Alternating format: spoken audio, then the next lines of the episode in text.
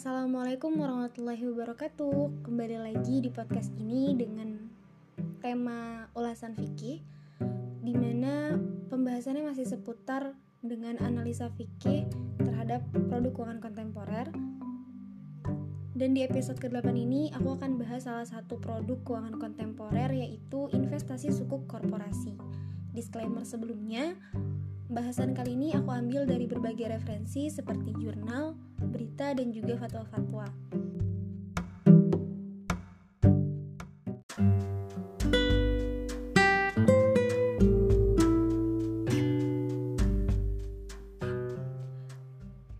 Pada episode sebelumnya, di episode ke-6, uh, eh, kita telah membahas salah satu jenis investasi sukuk juga, yaitu sukuk negara. Dan kali ini kita akan membahas jenis, la, jenis jenis lainnya yaitu uh, suku korporasi, lebih tepatnya investasi suku korporasi. Seperti biasa, sebelum kita menganalisa hukum fikihnya, uh, mari kita pahami dulu skema bisnis dan skema kegiatannya terlebih dahulu. Dalam praktiknya terdapat dua skema dalam investasi suku korporasi ini yaitu dengan akad mudorobah dan akad ijaroh. Dan pihak yang menerbitkan suku korporasi ini adalah perusahaan yang didirikan berdasarkan ketentuan undang-undang untuk menerbitkan sukuk, di mana asetnya adalah barang milik perusahaan yang memiliki nilai ekonomis yang dapat dijadikan sebagai dasar penerbitan sukuk korporasi.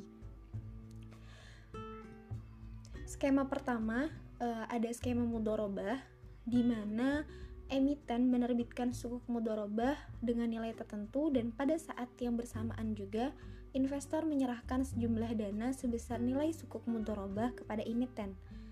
Dana hasil emisi sukuk ini disalurkan untuk pembiayaan murabahah dan dari hasil kegiatan usaha tersebut diperolehlah pendapatan margin yang kemudian dipisahkan dan didistribusikan sesuai proporsi sumber dana yang berasal dari dana sukuk, dana emiten, dan dana pihak ketiga. Dan pada saat jatuh tempo, emiten membayar kembali modal kepada investor sebesar nilai sukuk pada saat penerbitan. Lalu skema yang kedua ada skema ijaroh. E, emiten menerbitkan sukuk ijaroh dengan nilai tertentu yang didasarkan pada objek ijarah tertentu dan pada saat yang bersamaan pula investor menyerahkan sejumlah dana sebesar nilai sukuk ijarah kepada emiten. Atas penerbitan, penerbitan sukuk ijarah tersebut, uh, emiten mengalihkan manfaat objek ijarah kepada investor dan investor yang diwakili wali amanat sukuk ini menerima manfaat objek ijarah. Investor yang diwakili wali amanat sukuk ini memberikan kuasa dengan akad wakalah kepada emiten untuk menyewakan objek ijarah tersebut kepada pihak ketiga emiten selaku penerima kuasa dari investor bertindak sebagai pemberi sewa menyewakan objek ijarah tersebut kepada pihak ketiga yaitu e, mustajir atau penyewa.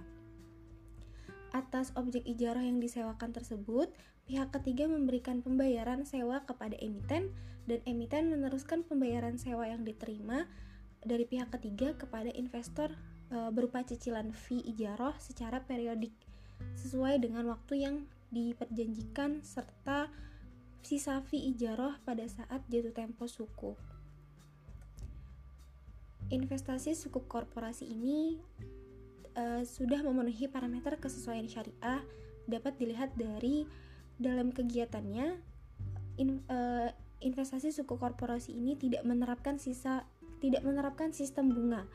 Investor investor mendapatkan keuntungan dari margin hasil usaha tempat mereka berinvestasi di mana uh, dalam kegiatan ini terhindar dari adanya ketidakjelasan atau goror, maisir dan penipuan.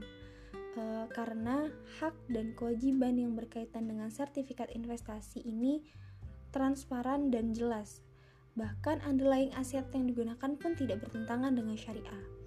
Lalu sukuk yang diterbitkan sesuai dengan akad atau transaksi syariah karena uh, sukuk ini diterbitkan dengan berbagai jenis akad uh, di antaranya akad mudorobah, ijarah, musyarakah, murabahah, salam, dan istisna.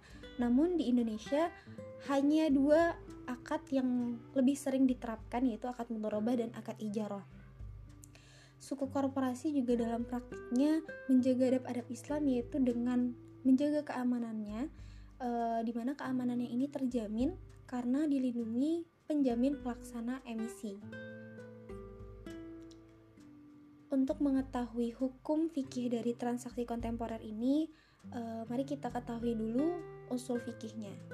Di sini ada Quran Surah Al-Ma'idah ayat 1 yang artinya Hai orang-orang yang beriman, penuhilah akad-akad itu. Dan ada juga dari hadis riwayat Ibnu Majah dan dari Ibnu eh, hadis riwayat Ibnu Majah dari Ibnu Umar bahwa Nabi pernah bersabda, "Berikanlah upah pekerja sebelum keringatnya kering." E, makasid dari kegiatan ini jika dilihat dari usul fikih yang aku sebutkan sebelumnya ini uh, kegiatan ini uh, memberikan maslahat dalam rangka mendorong pengembangan ekonomi dan pasar keuangan syariah dalam negeri. Selain itu, kegiatan ini juga salah satu upaya untuk mengoptimalkan pemanfaatan dana masyarakat.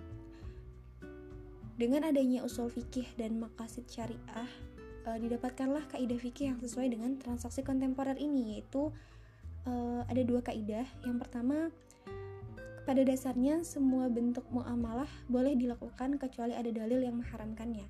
Dan kaidah yang kedua, menghindarkan mafsadat atau kerusakan e, bahaya harus didahulukan atas mendatangkan kemaslahatan. Setelah mengetahui usul fikih, makasih syariah dan kaidah fikihnya, maka didapatkanlah fikih muamalah dari kegiatan investasi sukuk korporasi ini. Di mana dalam praktiknya sukuk korporasi ini menggunakan dua akad yaitu akad ijarah dan akad mudorobah di mana ada dua akad pendamping yaitu akad kafalah yang mendampingi akad ijarah dan akad wakalah yang mendampingi akad mudorobah di mana akad-akad tersebut juga dijelaskan uh, oleh DSN MUI uh, oleh MUI lewat fatwanya yaitu Fatwa DSN MUI nomor 10 tahun 2000 tentang wakalah, Fatwa DSN MUI nomor 9 tentang ijarah, nomor 7 tentang mudorobah kirat, nomor 11 tentang kafalah, lalu ada juga Fatwa nomor 32 tentang obligasi syariah, Fatwa nomor 41 tentang obligasi syariah ijarah, dan Fatwa nomor 59 tentang obligasi syariah mudorobah konversi. Selain fatwa DSN MUI, ada juga standar syariah AAOIV yang juga mengatur uh, kegiatan ini, yaitu uh, dalam standar syariah AAOIV nomor 17 tentang sukuk investasi.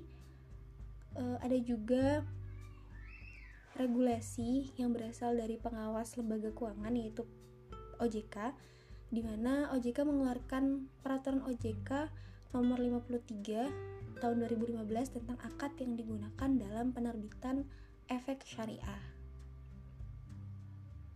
E, kegiatan investasi suku korporasi ini juga pernah menjadi pembahasan dalam berbagai jurnal-jurnal internasional dan dan nasional yang salah satunya uh, ada pada jurnal dengan judul Analisis Perkembangan dan Resistansi Suku Korporasi dalam Produk Pasar Modal di mana jurnal ini menjelaskan bahwa suku korporasi di Indonesia ini memiliki peluang perke, peluang berkembang yang cukup besar. Hal ini dapat dilihat dari penerbitan sukuk sejak awal 2002 yang menarik perhatian para investor.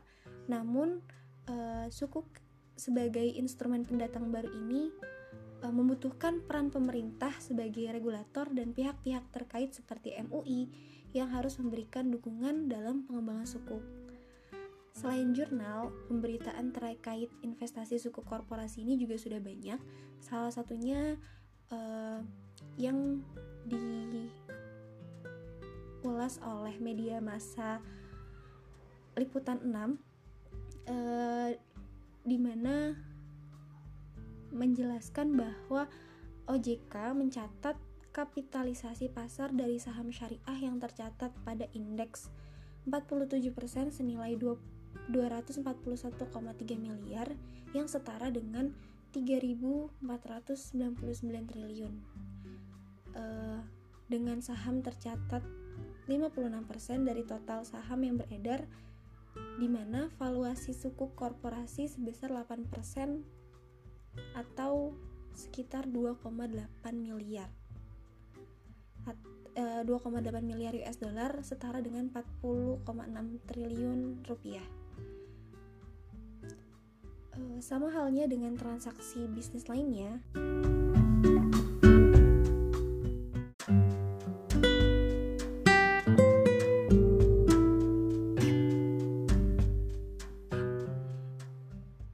Investasi suku korporasi ini membutuhkan manajemen resiko dan manajemen pemasaran sebagai salah satu upaya untuk mencapai tujuan bisnis ini. Dalam investasi suku korporasi ini terdapat beberapa resiko seperti resiko gagal bayar, resiko pasar, dan resiko likuiditas. Resiko-resiko ini dapat dicegah dengan adanya berbagai peraturan. Dengan aturan itu diharapkan pasar modal syariah tetap positif dan berjalan dalam koridor hukum yang berlaku. Oleh sebab itu, sukuk yang diperjualbelikan di pasar modal syariah harus memiliki perlindungan investor. Lalu untuk pemasaran eh, yang dilakukan oleh penerbit SBSN, eh, mereka melakukan pemasaran melalui virtual sehingga bisa menjangkau semua wilayah, bahkan masyarakat Indonesia yang berada di luar negeri. Selain itu, Kementerian Keuangan juga bekerja sama dengan mitra-mitra pendistribusian yang sudah cukup dikenal oleh masyarakat.